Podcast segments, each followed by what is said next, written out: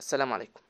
زي ما اتفقنا المرة اللي فاتت فموضوعنا النهاردة هو عن حدث تاريخي يمكن أغلبنا معشوش ولكن لينا آباء وأجداد آه، عاشوا وأكيد حكولنا عن الحدث ده. ألا وهو حرب السادس من أكتوبر 1973 ويمكن موضوعنا عن الحرب آه، هيتمركز في نقطتين ألا وهم أسباب الهزيمة وظروف الهزيمة عشان نعرف الخطر المحدق اللي كان بنتعامل معاه وقتها. ورقم اتنين هو إزاي انتصرنا. وإزاي انتصرنا دي مش هيبقى لها علاقة بالمعركة في حد ذاتها قد فبقى ليها علاقة بتجهيزات ما قبل المعركة. آه، بالنسبة للنقطة الأولى فإحنا محتاجين نتكلم على أسباب الهزيمة.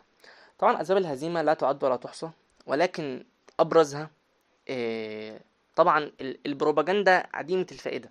اللي كنا بنشوفها من شخصيات في القيادة زي آه، عبد الناصر وعبد الحميد عامر واللي كانوا بيتباهوا بقوة الجيش رغم وجود هزائم متتالية كانت بتنذر بأن ده ممكن يحصل آه، زي العدوان الثلاثي آه، وزي حرب اليمن ولكن إحنا كنا مستنيين مشكلة كبيرة تحصل مستنيين مصيبة تحصل وده اللي حصل في سبعة وستين.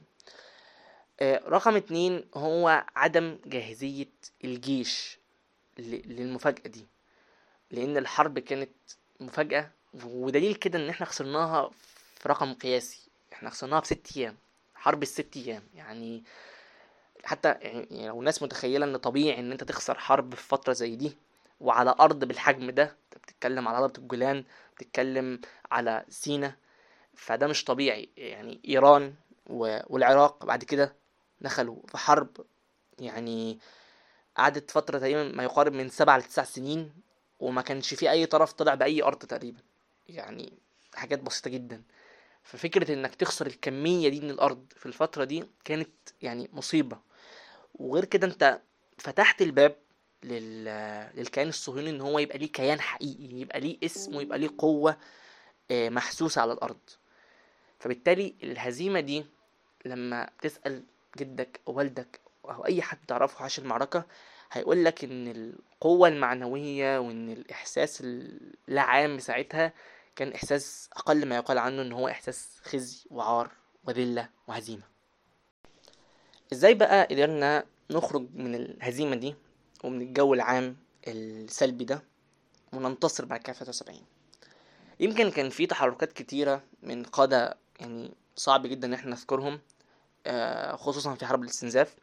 ولكن تركيزنا النهاردة مع شخصية ألا وهي شخصية الفريق سعد الدين الشاذلي اللي تولى رئاسة أركان حرب القوات المسلحة عام 1971 آه يمكن الفريق الشاذلي كان ليه أعمال كتير خاصة بالحرب آه وأفضل إن أي حد مهتم بالموضوع يرجع لمصادر مختلفة زي مذكرات سعد الدين الشاذلي مذكرات حرب أكتوبر لفريق سعد الدين الشاذلي أو آه، للكتيبات اللي هنذكرها بعد كده.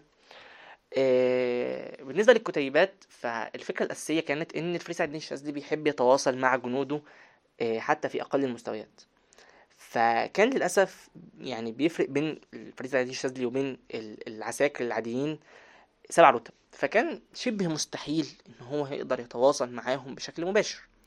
فكان العل هو إن هو يصدر ما يشبه الكتيبات.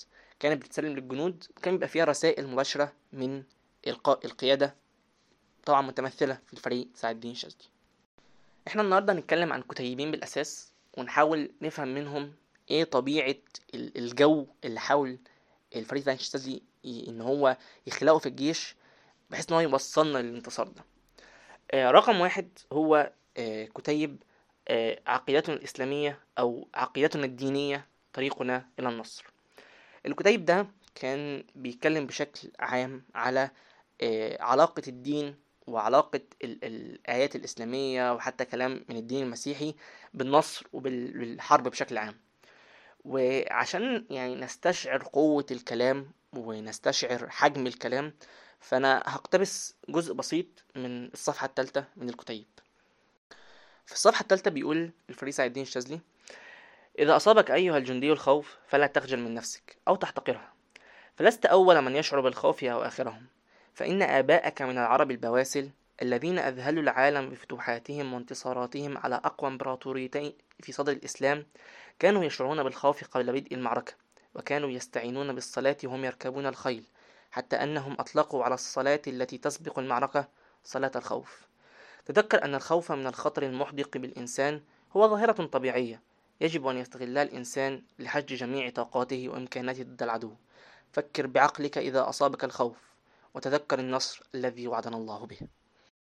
طبيعة الكلام هنا وفي الكتيب بشكل عام تبين لك قد إيه الفريق سعد الدين الشاذلي كان مهتم بالجانب المعنوي والجانب النفسي. وبالتالي حاول يحسس الجنود بأهمية المعركة وفي نفس الوقت حاول يحسسهم بالاطمئنان ناحية المعركة. ويمكن ده أو الاطمئنان ده بالذات بيظهر أكتر في الكتيب التاني. الكتيب التاني هو الكتيب رقم واحد وأربعين. وهو كان كتيب طويل يكاد يفوق التسعمية صفحة وكان بيتكلم عن كل حاجة خاصة بالعبور لكل جندي بكل رتبة ممكنة. الكتاب ده يعني تم تجهيزه فيما يفوق الخمس شهور وكان يعتبر عصارة خبرة الجيش واستعداده لعبور قناة السويس. يمكن الكتيب ده عشان ندرك قد إيه هو كان مهم وكان دقيق. فالفريق سعد الدين الشاذلي بعد كده آه، في لقاء اتكلم عن الكتيب ده وقال إن الكتيب ده كان بيغنينا عن 24 ساعة من التعليمات. بمعنى إن أول 24 ساعة في المعركة كانوا ما هم إلا تنفيذ حرفي للي بيتقال في الكتاب. وحتى الموضوع كان مبهر للفريق بنفسه وللجنود. إن الخطة المرسومة أو الخطة المكتوبة لكل فرد في الجزء الخاص بيه في الكتيب كان بيلاقيها بتتنفذ قدامه على أرض الواقع. فالنجاح ده هو اللي وصلنا لمرحلة إن الأفراد بالمنظومة جاهزين للمعركة بل ومؤمنين بالنصر التام لأن هم عملوا حاجتين. اولا آمنوا بيه وآمنوا إن إن الحرب دي ممكن فعلا ننتصر فيها ورقم اتنين إن هم أخدوا بكل أسباب النصر من تحضير وتجهيز وتوكل على الله. طبعا تفاصيل الحرب صعب إن إحنا نتدخل فيها لأن هي طويلة وفي وثائقيات كتير ممكن نرجع لها خاصة بالحرب.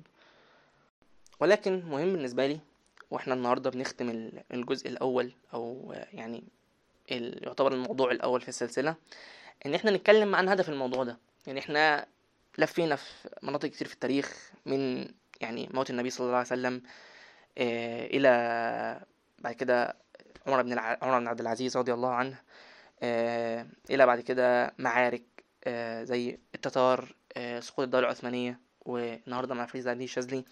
إيه الهدف من كل ده؟ أو إيه اللي بيربط كل الأحداث دي ببعض؟ اللي بيربط الأحداث دي ببعض هي نقطة أساسية مهمة ومبني عليها كل اللي هنتكلم عليه لغاية آخر رمضان بإذن الله ألا وهي فكرة الإيمان بالنصر.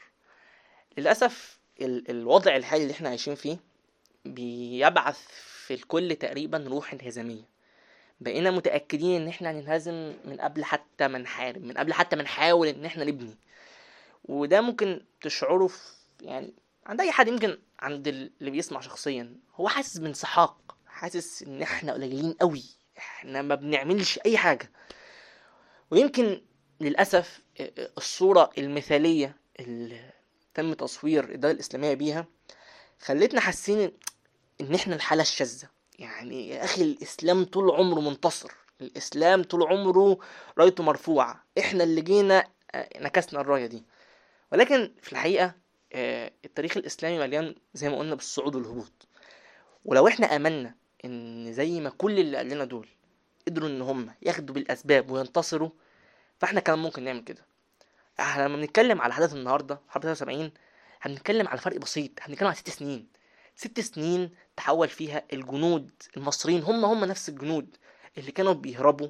حتى إن في أغنية مشهورة عند اليهود اللي هي خاصة من الجندي المصري آه، ساب حذاء وراه إلى آه، انتصار ساحق في 73 بعيدا عن تفاصيل يعني رجوع أرض سينا ولكن الساعات الأولى بتبين إن كان في انتصار واضح.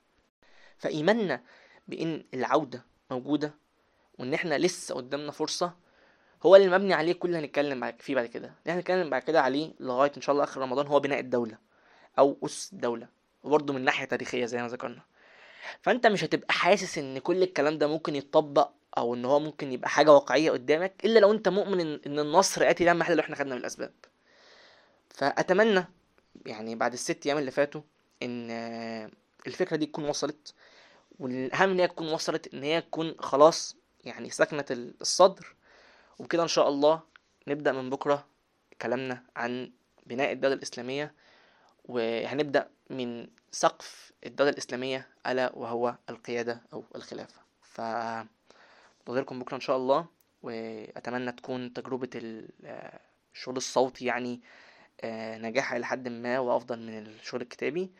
وبإذن الله يعني لو حد عنده أي تعليقات ممكن يبعتها لي وبإذن الله الموضوع آه، زي ما اتطور في الكتابة واحدة واحدة برضو ممكن إن شاء الله يتطور في الجانب الصوتي واحدة واحدة.